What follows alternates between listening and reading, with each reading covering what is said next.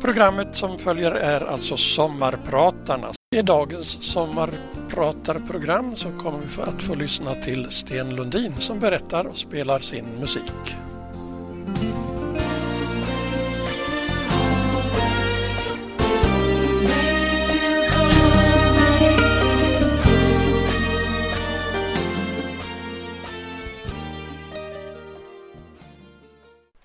Ja, hej alla ni som lyssnar till Radio Örnsköldsvik och välkomna till mitt sommarprat här i radion. Jag heter Sten Lundin och jag har ju stått lite som reserv som sommarpratare men eh, nu när det blev en liten vakans så har jag fått rycka in också och det tycker jag är bara roligt. Jag ska säga med en gång att när det gäller mitt program här så kommer jag berätta lite grann från mitt liv och spela en del musik. Och musiken eh, har jag valt därför att jag tycker om den här musiken så att den har inte något direkt samband med det jag spelar. Och eh, så att det blir inte någon röd tråd så. Men eh, det är fin musik tycker i alla fall jag och bra innehåll. Jag heter alltså Sten Lundin och jag är fredsbarn nämligen född 1945, fredsåret, född i Målilla nere i Småland. Och jag är född in i en familj som flyttade väldigt mycket. Min äldre syster, hon är född i Härnösand. Jag och min äldre bror är födda i Målilla. Och så en yngre bror och syster som är födda i Boden då vi bodde uppe i Mörjek mellan Kiruna och eh, Boden någonstans. Och mina yngre systrar är födda i Målilla igen. Vi var en stor familj. Sju helsyskon som hade då samma mamma och samma pappa. Men så har vi också dessutom 14 halvsyskon. Och jag var faktiskt farbror redan när jag föddes. Det är kanske inte så många som kan skryta med det om det nu är något skryt. Min far var nämligen gift tre gånger. Alltså han var far till hela 21 barn. Min mor var mycket yngre än honom och när hon blev änka år 1950 så var hon gravid med min yngsta syster som alltså föddes efter min fars död. Min far har sina rötter här uppe i Ångermanlandstrakten, nämligen i Ramsele där farfar var klockare och skollärare. Men eh, vi härstammar också från Finland och jag är faktiskt också släkt med Johan Ludvig Runeberg. Jag vet inte riktigt hur men jag har en kusin som ägnat sig lite åt släktforskning. Pappa blev i sin ungdom aktiv kommunist och han var ledare för flera strejker, bland annat den så kallade Bullerforsstrejken borta i Dalarna. Han var också redaktör för en, för en kommunistisk tidning som inriktade sig mycket på att angripa kristen tro. Och av den anledningen kom min far att läsa väldigt mycket i Bibeln för att hitta stoff till att angripa det kristna. Men så småningom blev han själv kristen på ett märkligt sätt. Det var hans bror Karl A Lundin som fick leda honom till Gud och han blev en mycket radikal, radikal kristen och en hängiven predikant som reste runt i landet och predikade och hade mycket nytta av sin bibelkunskap eftersom han hade läst så mycket. Han hade en stark tro på Gud och det hände mycket där han drog fram. Människor kom till tro och många helande under skedde. Jag har genom livet mött många människor som har berättat att jag var sjuk på det eller det sättet men så kom din far och bad för mig på ett väldigt enkelt sätt och jag blev frisk i ett nu. Han var också här en hel del här i Örnsköldsvik och eh, från den tiden har jag ett tidningsurklipp ur vår dåtida samfundstidning där Erik Jansson, pastor i Elim då, skriver att vår broder Lundin förkunnar ordet och det är stor rörelse, många omvända sig till Gud. Flera blir av Herren förnyade medan andra ansluta sig till pingströrelsen. Och det var en rolig kommentar. Jag har läst det här några gånger när jag har varit i pingstkyrkan och det tycker de är roligt också. Min pappa kunde vara lite burdus i, i möten och sådär men han var också väldigt mjuk och kärleksfull, särskilt mot barn. När han var och gästade någon familj så sågs han ofta krypande på golvet och lekte med familjens barn. Här i Örnsköldsvik fick han också en hel del vänner och ett par välkända Örnsköldsviksprofiler, C.M. Hägglund och Almon Olsson. Eh, Almon han har förresten gett namn åt min yngre bror som heter Sven Almon.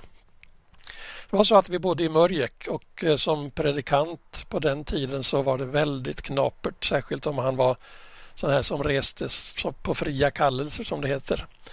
Och eh, ofta var det ont om mat i stugan.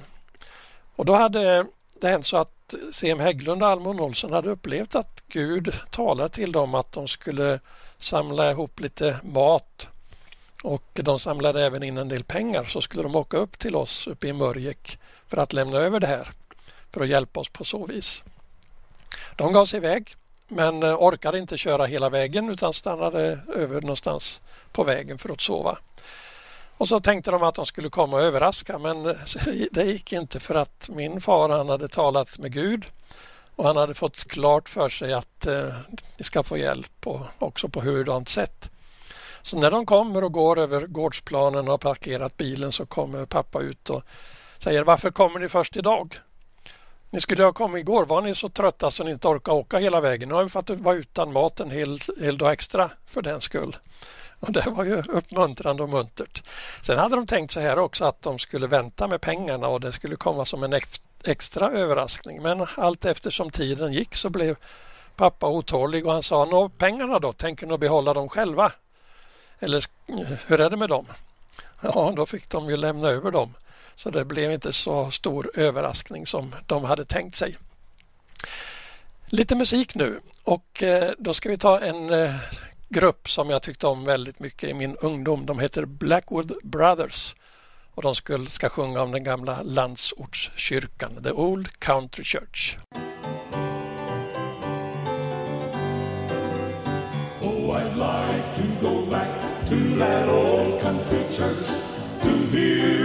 Songs of praise. Songs of praise. How the people would sing, it would make the rafters ring at that old, at that old country church. Shall we gather at the river, the beautiful, beautiful river? Gather with the saints at the river that flows by the throne of God.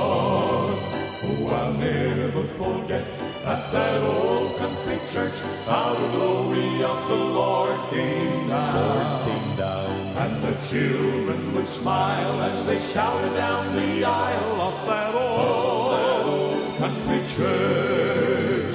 In the sweet, In the sweet by and by, by, and by we shall meet on that beautiful shore,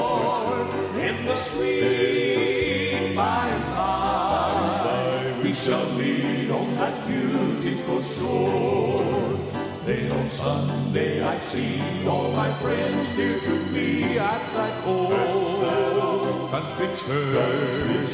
When it came time for prayer, everybody would be there at that old country church. I'm leaning, leaning, I'm leaning, safe and secure from all alarm.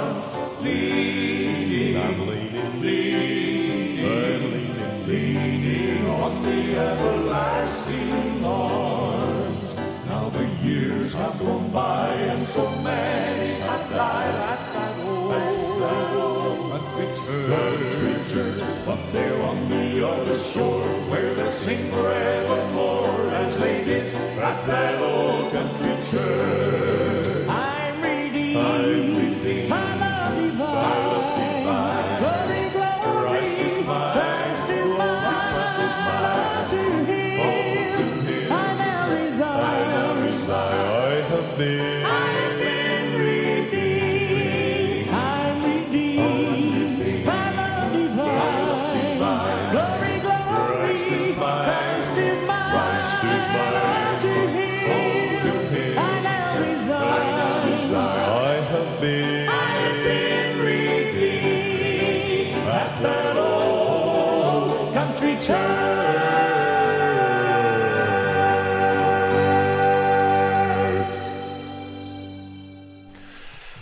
Blackwood Brothers med sin mäktige ba bassångare G.D. Sumner. Min mor kommer från Porjus i Lappland och var bland annat ungdomsvän med Jokkmokks Jocke. De cyklade ibland runt med gitarrer på ryggen och eh, spelade och sjöng i olika möten. Och jag är genom henne också av samesläkt. Min äldre syster har registrerat sig och kan vara med och rösta i Sametinget om hon vill. Det blev tyvärr aldrig av för mig att göra det. Mamma var en väldigt mjuk och fin människa. Hon brukade kallas av sina svägerskor för Lilla Ängeln. Hon var också duktig att spela och sjunga och var ibland med pappa och de äldre halvsyskonen ute och sjöng i hans möten. Hon blev som sagt änka år 1950 med sex barn och det sjunde på väg och dessutom några av mina halvsyskon som var rätt så unga också. Och det här skedde innan den allmänna änkepensionen infördes så hon blev utan det ekonomiska stödet. Och det här var naturligtvis en väldigt tuff tid för henne och också för oss. Och när min pappa dog så placerades vi barn ut i olika hem i samhället. Och jag hade det väldigt jobbigt i det sammanhang där jag hamnade och det har kanske påverkat min uppväxt och ungdom mer än jag trott. Min första erfarenhet av gudstjänster som jag minns det var att jag var tillsammans med mamma i ett möte och predikanten var väldigt eldig och högljudd.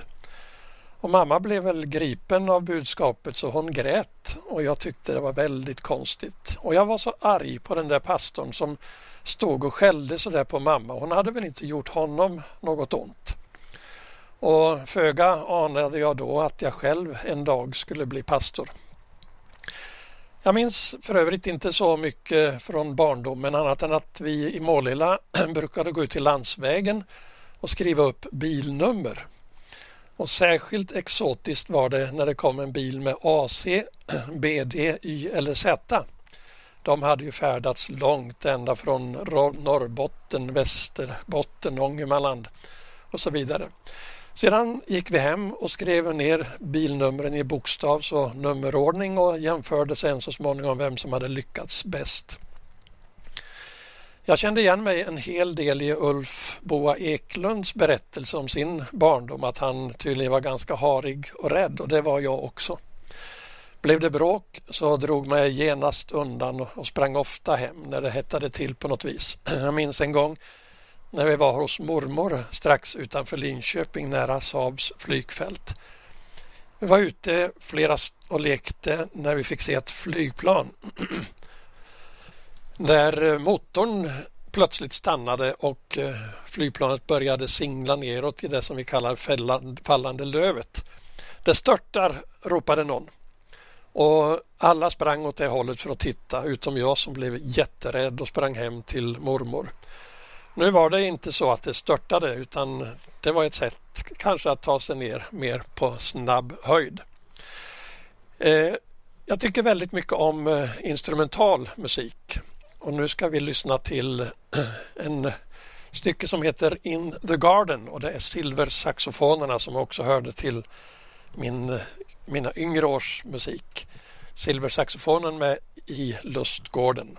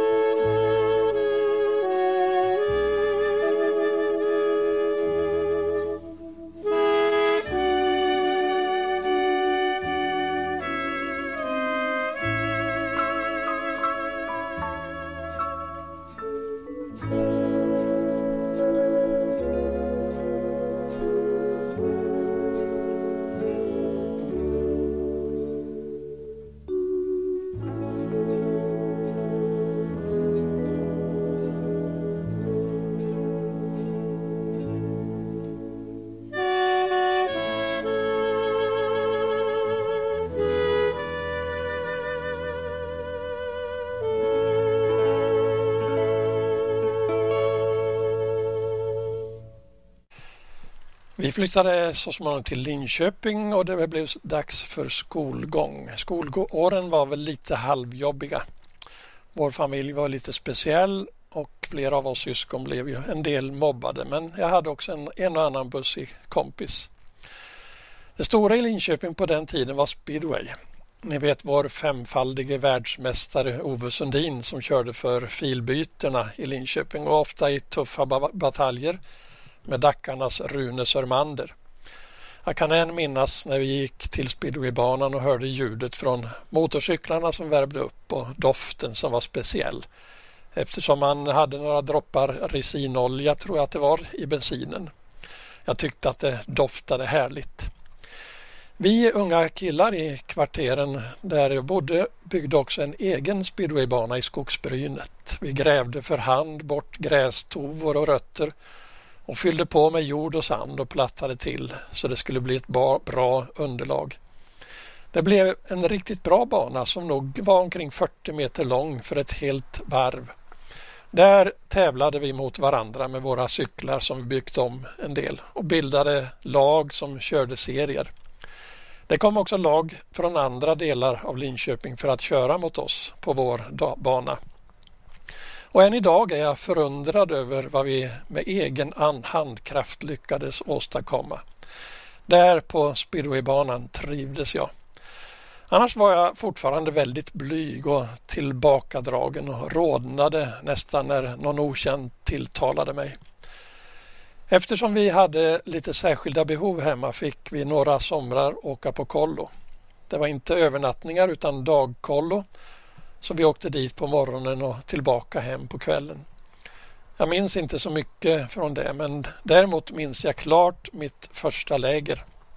Det var ett kristet läger på Östgötagården vid Rimforsa söder om Linköping. Det var faktiskt jätteroligt. Men eh, jag var fortfarande väldigt blyg. I början av veckan var det någon som frågade mig vad jag heter men jag var så blyg så jag sa någonting. Så frågade de min kompis som var med mig och han hakade på och svarade att han heter ingenting.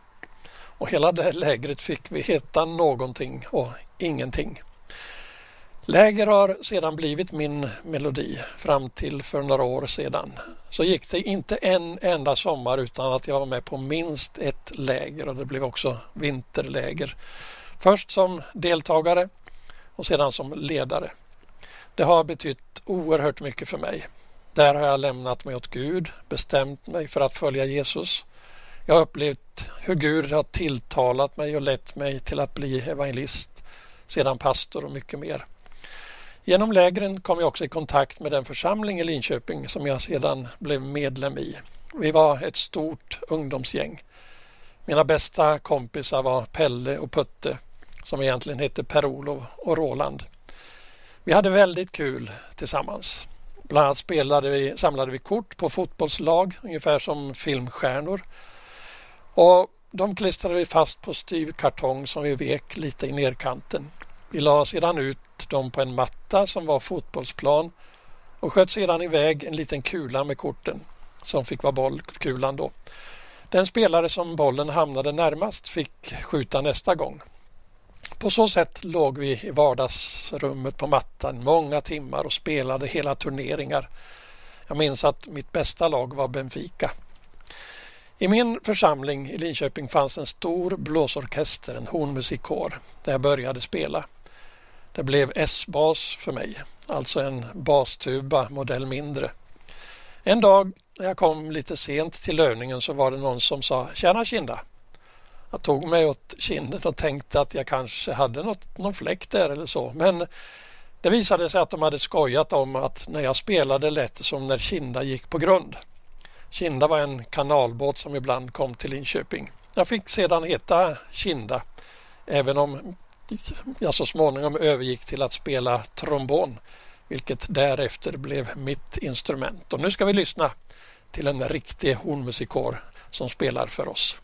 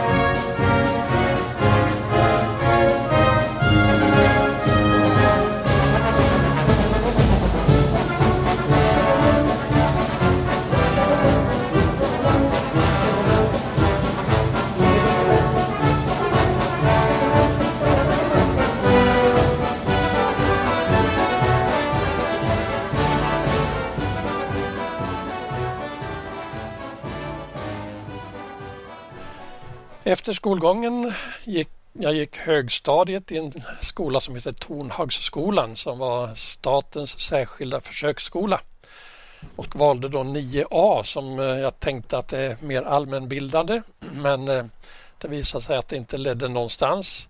Så där slutade skolgången för min del tills jag så småningom började på pastorskola i Örebro. Men jag ska återkomma till det senare. Mitt första jobb blev på ASJ, Aktiebolaget Svenska Järnvägsverkstäder i Linköping. Jag började som kontorsbud på ritkontoret och sen avancerade jag till ritbiträde. Vilket innebar att jag ritade om gamla ritningar som behövde förnyas. Och vi skämtade där om att vi ritade på dagarna och suddade på nätterna.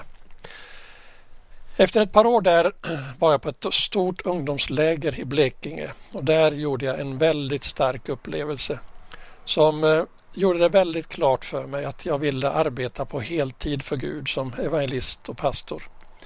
Det ledde till att jag sökte till en fem veckors bibelskola i Örebro. Där köpte jag en gitarr och lärde mig tre ackord. Och sen gick jag ut på fältet som vi kallade det när man blev evangelist. Det innebar att man börjar arbeta i en ofta liten församling och hjälper till med möten, ungdomsarbete med mera. Jag hamnade i Strömstadstrakten. Där var vi fyra evangelister som hjälptes åt. Men efter en tid blev jag förflyttad till Nössemark i Dalsland på gränsen mot Norge. Jag var väldigt orolig inför min första gudstjänst på egen hand. Så jag kallade in min äldre bror Bror som var mer erfaren för att han skulle hjälpa mig med predikan. Jag skulle börja och sedan skulle han ta vid så att gudstjänsten inte bara blev tio minuter lång. Nu blev det så att när jag väl hade börjat så flöt det på och jag höll på i drygt 30 minuter så det blev inte så mycket tid över för Bror. Efter Nössemark blev det värnplikten för mig. Jag var vapenvägrare eller samvetsöm som man kallade det och blev istället kraftsoldat sa vi i Åsbro. Där hade Vattenfall en övningsanläggning med kraftledningsstolpar i olika dimensioner.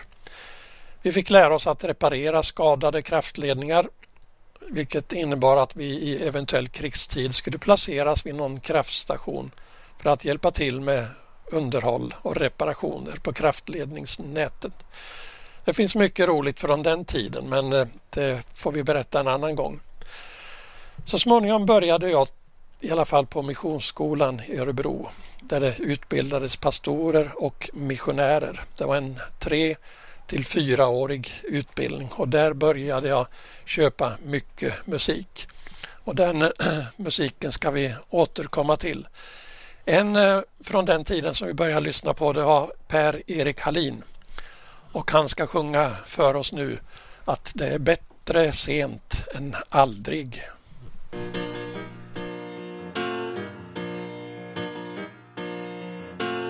I've sung before, but it was mostly in minor songs about sorrow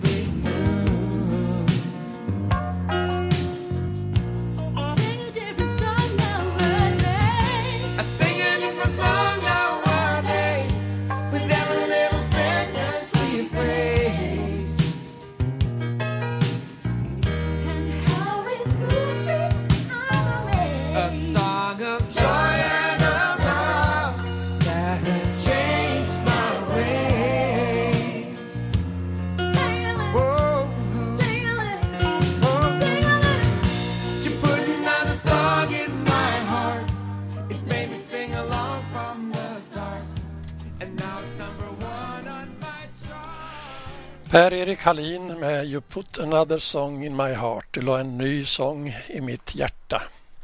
En annorlunda sång. ja, jag började alltså Missionsskolan och där började jag lyssna väldigt mycket på musik och köpa en del skivor i en musikhandel som låg granne med Missionsskolan. Den hette Siverts musikhandel och eh, ni som lyssnade till sommarpratarna den 29 juli vet nog vart jag ska komma nu. För att där arbetade nämligen en flicka som hette Elisabeth och som sedan blev min käresta och fru. Vi har nu varit gifta i snart 44 år och trivs fortfarande väldigt bra tillsammans. Vi har genom åren fått eh, tre söner, underbara sonhustrur och hela nio barnbarn varav det senaste kom till världen för bara några veckor, ett par veckor sedan. Det har varit eh, fantastiska år. Visst har det varit jobbigt ibland också för oss. Men det är härligt att kunna tillsammans arbeta sig igenom det jobbiga och medvetet välja livslång trohet. Jag säger det här utan att döma eller förringa dig som det har gått sönder för. Jag vet att livet är hårt och att det i våra tider är väldigt stora påfrestningar på våra relationer. Ibland går det helt enkelt inte att gå vidare. Därför är jag så väldigt glad och tacksam över min Elisabet och vårt liv tillsammans. Och detta att vi tillsammans kan glädja oss över våra barn och barnbarn och att vi får dela de här fina stunderna med varandra.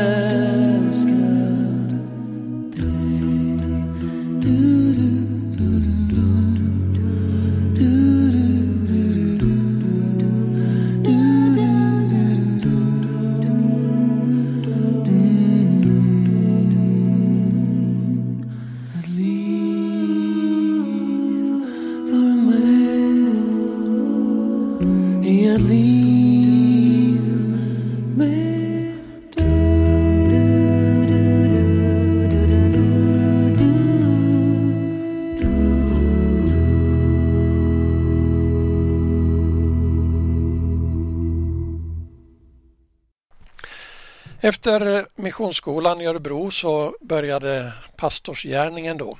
1969 var jag färdig och vår första tjänst blev i Karlshamn, Asarus och Kyrkhult nere i Blekinge. Där föddes vår äldsta son Magnus och vi stannade i två och ett halvt år. Varefter vi flyttade till Småland och arbetade i Smålands Anneberg och Flisby.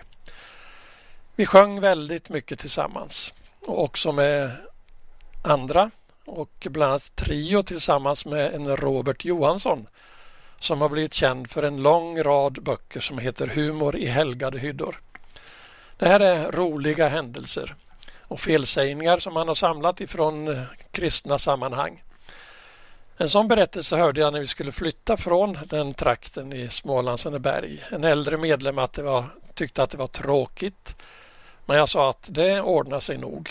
Då berättade hon att en tidigare pastor som skulle flytta så var det en äldre tant som beklagade sig men pastorn sa att det kommer säkert någon bättre efter mig. Men tanten sa att nej, det tror jag inte för det har bara blivit sämre och sämre genom åren. Och det var ju säkert mycket uppmuntrande för pastorn. Där i Smålands Anneberg föddes vår mellanson Niklas. Vi stannade drygt fem år och flyttade sedan till Emil i Lönnebergas Mariannelund. Där föddes lillpojken Andreas och vi stannade där i drygt åtta år. Vi har alltid trivts väldigt bra på de platser där vi har bott men Mariannelund var speciellt. Med ett samhälle där vi lärde känna de flesta människor och det var en väldigt fin sammanhållning både i samhället och i församlingen. Vi gjorde mycket tillsammans, bland annat några hjälpinsatser. En gång hade vi engagerat hela samhället för en hjälpinsats till Polen. Vi lastade en stor lastbil med mat, kläder, leksaker med mera och samlade också in pengar. Sedan var vi tre som styrde söderut. Det var jag, en missionär vid namn Stig Artmark och en av de unga medlemmarna Göte Dansson. Vi tog färjan från Ystad till Swinoujscie i Polen och där möttes vi av väldigt stor tacksamhet och kärlek och det gick väldigt bra med utdelningen. Så vi var klara ett helt dygn tidigare än beräknad. Och vi for därför till färjelägret i Swinoujscie och tänkte att vi kanske skulle kunna komma med en tidigare färja hem. Det gick bra. Med undantag för att en av oss, Göte Dansson, fick stanna lite till för att åka med en vanlig passagerarfärja efter oss. Jag, Stig och lastbilen kom med bil och tågfärjan som hette Jan Hevelius. När vi lämnat land gick jag ner till lastbilsdäck för att hämta något som jag glömt i lastbilen. Och jag reagerade då över att man inte förankrat bilarna med undantag för vår bil. Men tänkte att det har de väl inte hunnit med än utan håller på med det nu. Sen gick vi till sängs. Det var en väldigt stormig kväll men jag somnade direkt. Men plötsligt väcktes jag av sirener och av att jag höll på att ramla ur sängen. Stig ropade på med flytvästen kvickt. Det kändes som om färjan girade väldigt kraftigt. Men eh, när vi kom upp på däck upptäckte jag att vi fått kraftig slagsida. Besättningsmännen verkade, verkade helt förvirrade och sprang fram och tillbaka och ropade något som vi inte förstod. De försökte göra i ordning livbåtarna men de gjorde det på sidan som var högst från vattnet vid slagsidan. Jag tänkte att det går väl inte att få ner de båtarna. De kommer ju att fastna i fartygssidan på väg ner. Nu behövdes som väl var inte de livbåtarna utan man lyckades pumpa in vatten i ballasttankarna för att rätta upp slagsidan hjälpligt. Det blåste så kraftigt så kaptenen vände tillbaka och gick in i lä utanför Rügen i Tyskland där vi kretsade runt i cirka ett dygn tills vädret lugnat ner sig något varefter vi styrde mot Ystad. Vi anlände där ett dygn försenat men egentligen på exakt den tid som vi meddelat hem att vi skulle anlända till Sverige. Och Elisabet och de där hemma visste ingenting. Förvånansvärt nog hade Elisabet varit helt lugn. Men eh, den bönegrupp som vi var med i var samlad till bön samma kväll som vi var i sjönöd. Och hon tyckte att de bad väldigt mycket för oss. Och jag tror att det hade betydelse. Vi fick sedan vittna i sjöförklaringen och det visade sig att vår lastbil nog hade räddat båten från att kantra och helt gå under eftersom den var fast surrad. Många år senare blev jag väldigt skakad när jag i tidningen kunde läsa att just den båten, Jan Hevelius, gått till botten i en exakt likadan händelse och att omkring 35 personer omkommit i vågorna. Och det var fruktansvärt. Hur kände jag det då där på båten? Ja visst var det en obehaglig upplevelse. Lång tid ute på ett stormpiskat däck och mitt i vindriktningen för diesellångorna från skorstenen som gjorde att jag kräktes kraftigt. Samtidigt förvånansvärt lugn. Mina mesta tankar gick till familjen, Elisabeth, våra tre söner, två, sju och nio år tror jag de var. Jag visste samtidigt att man inte överlever många minuter i det iskalla vattnet. Det var i januari det här, även om man har flytväst.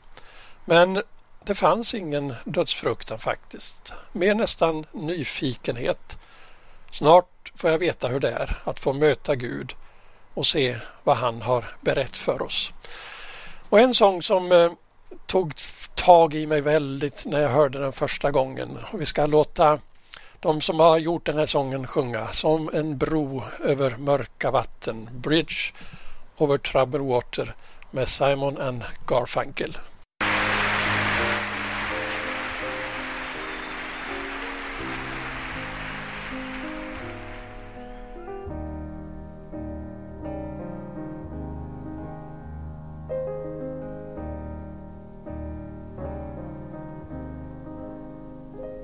when you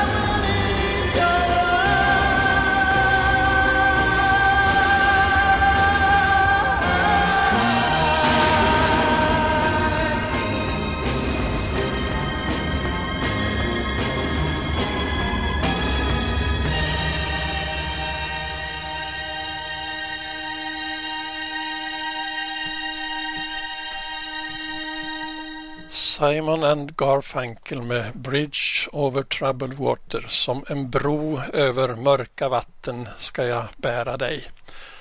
Och det är väldigt tryggt att känna det så för min del då i förhållande till Gud vår far som bär oss och leder oss. I juni 1985 flyttade vi till Örnsköldsvik och jag blev pastor i Elimkyrkan här och min fru Elisabeth fick jobb på Parkskolan i kafeterian som då är ett elevkooperativ. Det här innebär att vi nu har bott i Örnsköldsvik eller Sund i Domsjö i lite mer än 27 år. Och det är därmed den plats där vi har bott längst i våra liv. Frågan är då om vi räknas som Nolaskogsare på riktigt eller om vi är inflyttade. Soledad Henriques frågade sig häromdagen i sitt sommarprat hur länge man är invandrad. När har man vandrat in färdigt? Och jag kan förstå lite av den känslan. Också när man är inflyttad, även om det säkert är på ett helt annat plan när det gäller att vara så kallad invandrare. Arbetet som pastor är ju väldigt speciellt. Det är svårt för den som inte känner till det hela att inse riktigt vad det innebär. Inte ens församlingens medlemmar har nog någon klar bild av hur det är att vara, vara anställd och ha över 400 arbetsgivare. Där eh, de flesta arbetsuppgifterna kanske är sånt som är svårt att mäta eller redovisa. Det är inte ett hus som man har byggt färdigt eller något liknande. Det är mycket av samtal och kontakt med människor där det ofta handlar om att eh, man aldrig kan dela det med någon annan, inte ens med sin hustru. Utan det är sånt som är under tystnadsplikt. Bland eh, allmänheten finns nog kanske ofta samma inställning som i sången Fattig bonddräng där det sjungs att efter söndagen kan väl prästen vila hela veckan. Men för en fattig bonddräng börjar slitet igen. Men eh, det kan jag väl berätta att även om det inte handlar direkt om kroppsarbete så är det oftast heldagsjobb jobb, och sen många olika samlingar på kvällen och att alltid vara tillgänglig för telefonsamtal med mera. Och alla olika grupper i församlingen tycker väl att pastorn behöver inte vara med i alla samlingarna bara han är med i vår grupp. Ändå, om jag skulle börja igen, om igen så skulle jag nog ändå välja att bli pastor. Eh, därför att eh, det är så, så rikt och att få arbeta med människor. Och där känner jag att det har varit min uppgift även om jag arbetat en tid också på begravningsbyrå i Nya begravningsbyrån. Eh, Inger Heineborg hon eh, tog tag i mitt hjärta en gång med, med sin sång. Och en sång som eh, hon sjunger det är En plats för mig.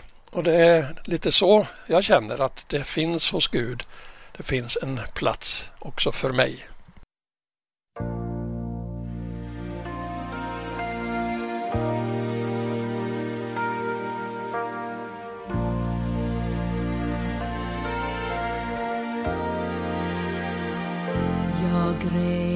Grät en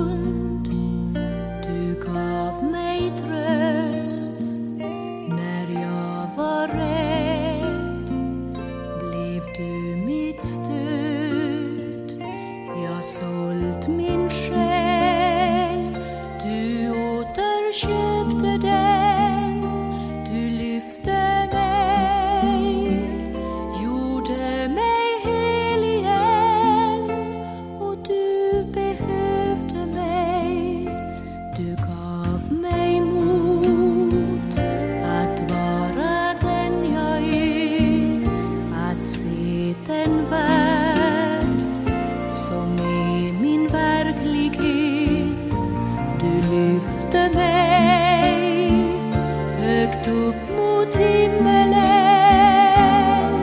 Så högt att jag fick se en glimt av evighet. Det fanns hos dig en plats för mig. Och jag vågar knappast tro din kärlek som är your sick today.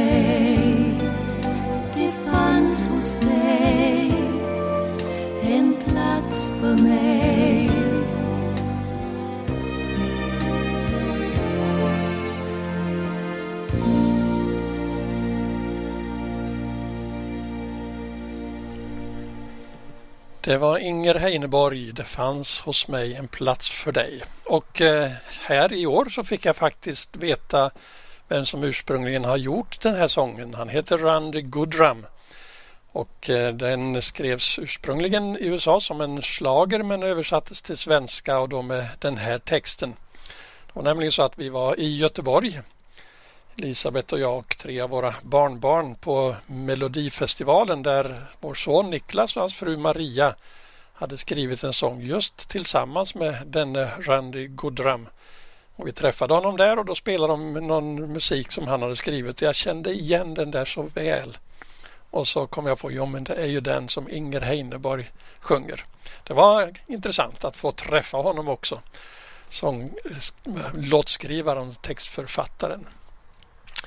Ja, som pastor så får man ju jobba med väldigt mycket och ett av de områden där jag har fortsatt nu även sedan jag gått i pension det är ju närradion i Radio Örnsköldsvik. Jag har uppskattat det här väldigt mycket och känner starkt för närradion. Det är både roligt och givande. Och även att få lite respons nu och då är ju givande också. Men så inträffar det ju också många roliga och minnesvärda episoder i närradion och jag kan inte berätta alla men en ska ni få del av och en del kanske kommer ihåg den också. Eh, jag gör ju ett bibelstudium på en 20 minuter varje vecka.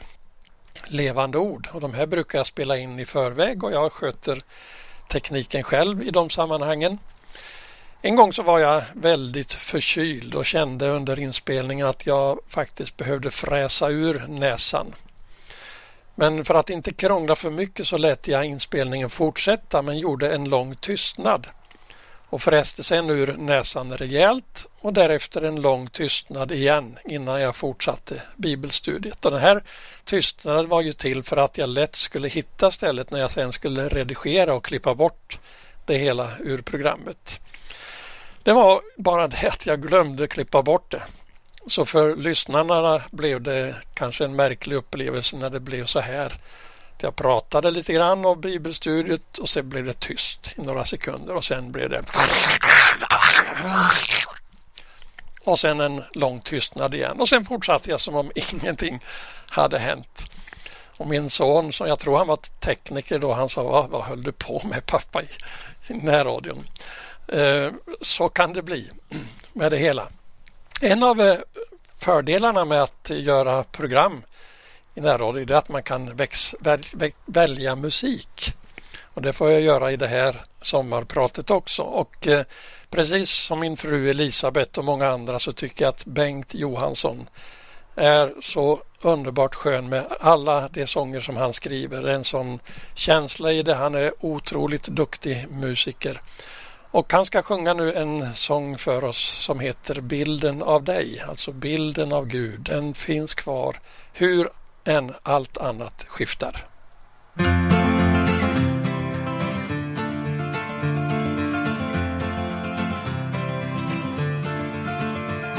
Så rädd som jag har varit för att komma nära dig Så långt som jag har farit så mycket som jag tänkt för att rättfärdiga mig. Att det inte var så farligt. Jag tappade förmågan att se hur det var. Jag märkte inte glädjen som försvann. Varje pris ville jag klara mig själv, gå min väg. Men bilden av dig finns ändå kvar. Hur jag än vänder mig, vart jag än far. Bilden av dig, bilden av dig, bilden av dig.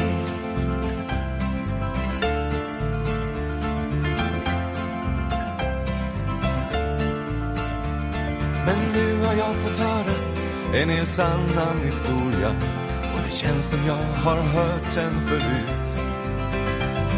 Och kanske var det vinden som fick mig att förstå och höra den till slut.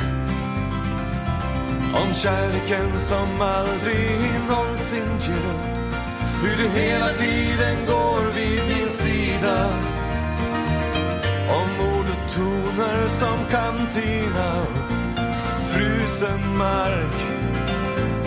Men bilden av dig finns ändå kvar. Hur jag än vänder mig, att jag än far. Bilden av dig, bilden av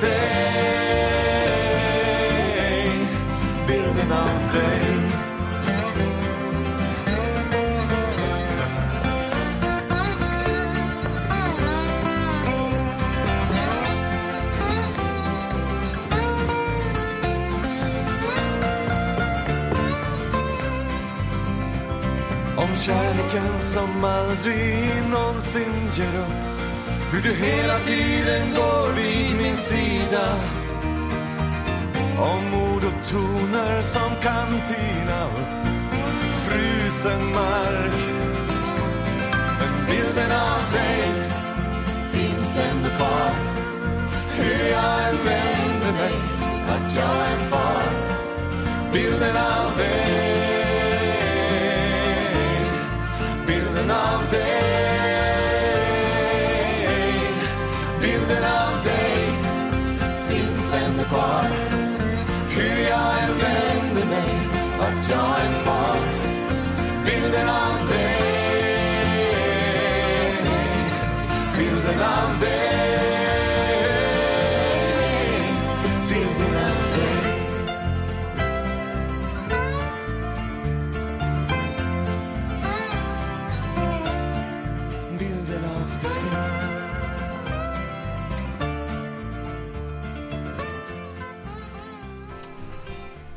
Bengt Johansson med bilden av dig finns ändå kvar. Och det är ju så att eh, mycket har ju präglat mitt liv men det som faktiskt har präglat mest det är nog ändå tron på Gud och mötet med frälsaren Jesus. Jag har väldigt svårt att tänka mig hur man kan leva utan den tryggheten och den gemenskapen. Det finns ofta en föreställning om att det är väldigt tråkigt att vara kristen. Men det är precis tvärtom. Det är så oerhört mycket roligt, fina stunder, skön gemenskap som vi fått uppleva tack vare detta. Och jag är övertygad om att Gud existerar och bryr sig om oss människor. Att hans kärlek uppenbarats på ett särskilt sätt genom Kristus. Men eh, om det inte skulle vara så så har jag ändå fått leva ett rikt liv och ångrar ingenting av det. Och det finns så väldigt mycket som jag skulle vilja säga omkring just det här. Men eh, det finns kanske inte plats för det utan jag nöjer mig bara med att säga det här nu. Och att min högsta önskan för er alla är att var och en skulle få en levande relation med Gud genom Jesus Kristus. Det handlar inte om bud och förbud eller att man måste vara eller leva på ett visst sätt utan att få en relation, ett umgänge med Gud. Han har kämpat, lidit och gjort så ofattbart mycket för att du och jag ska bejaka den relationen och det livet. Jag är också helt förvissad om att Jesus Kristus verkligen är uppstånden och levande och att han finns med mig genom livet och nära också dig som lyssnar. Och jag vill avsluta med en dikt av Daniel Kviberg som heter Frågor som handlar om just uppståndelsen och sedan en sång Dallas Holm sjunger He Rise Again. Han stod upp igen. Hur gick det till den morgonen, den första arbetsdagen efter Golgata? Var det stenens tunga muller när ängeln rullade bort den som väckte honom? Eller var det beröringen av en överjordisk hand mot hans ansikte? En himmelsk tjänares händer som varsamt lyfte bort duken från hans ansikte. Låg han där med öppna ögon och hörde fåglarnas sång från örtagården stilla i gravgrottans dunkel medan människornas böner fyllde hans väsen. Vilade han, som du vilar, några korta minuter efter en god natt innan den nya dagens röst länkat vakenhetens skärpa till det förflutna. Låg han när vakterna flydde? Höll han av sig svepningen som ett sängtäcke och steg upp när han hörde dem, kvinnorna Petrus, Johannes, komma till graven. Maria, hon som stod och grät, varför fick hon se honom? Och hur såg han ut? Hon såg ju inte vem han var förrän han nämnde hennes namn. Först då visste hon. Hur gick det egentligen till när livet kom tillbaka till den korsfäste? Gjorde det ont i spikhålen? Sved det efter törntaggarna och gisselslagen? Nej, för honom var allting nytt. Denna annorlunda morgon efter Golgata. För Jesus och hans reskamrat, rövaren som han tog med sig till paradiset.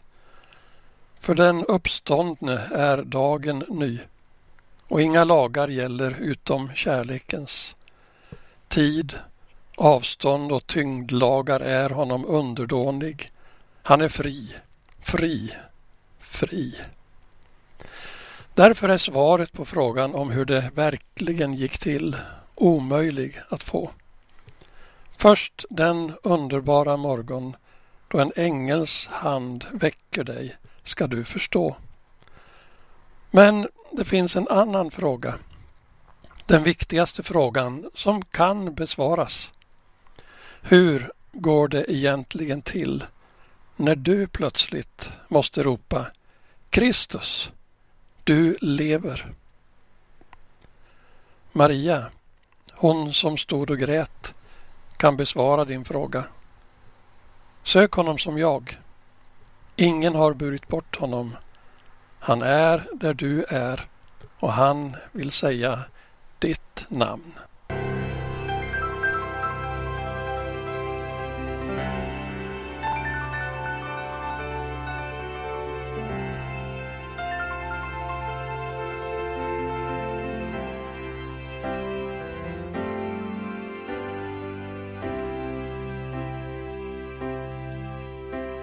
Go ahead. Drive the nails in my hands. Laugh at me where you stand. Go ahead and say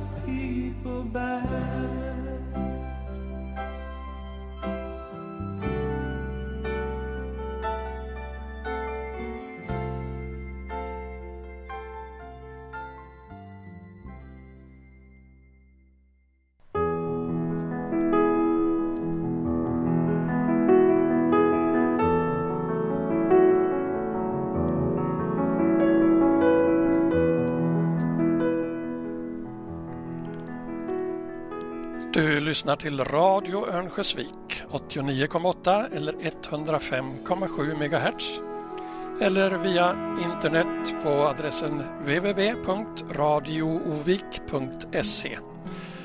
Och programmet var alltså Sommarpratarna. Och det var alltså Sten Lundin som ansvarade för dagens program i Sommarpratarna i Radio Örnsköldsvik. Och i morgondagens program kommer vi att få lyssna till Bo R Holmberg som berättar och spelar sin musik. Sommarpratarna som alltså sänds varje dag klockan 7, 9, 16 och 22 fram till och med den 25 juli. Och sedan kommer vi med en ny omgång då alla Sommarpratarnas program sänds igen från och med måndagen den 30 juli till och med den 29 augusti. Sommarpratarna i Radio Örnsköldsvik. Och du är välkommen att höra av dig till oss med eh, synpunkter, ris eller ros eller tankar som du vill dela.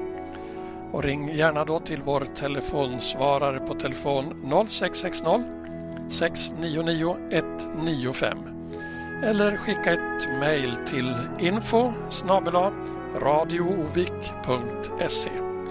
Sommarpratarna i Radio Örnsköldsvik.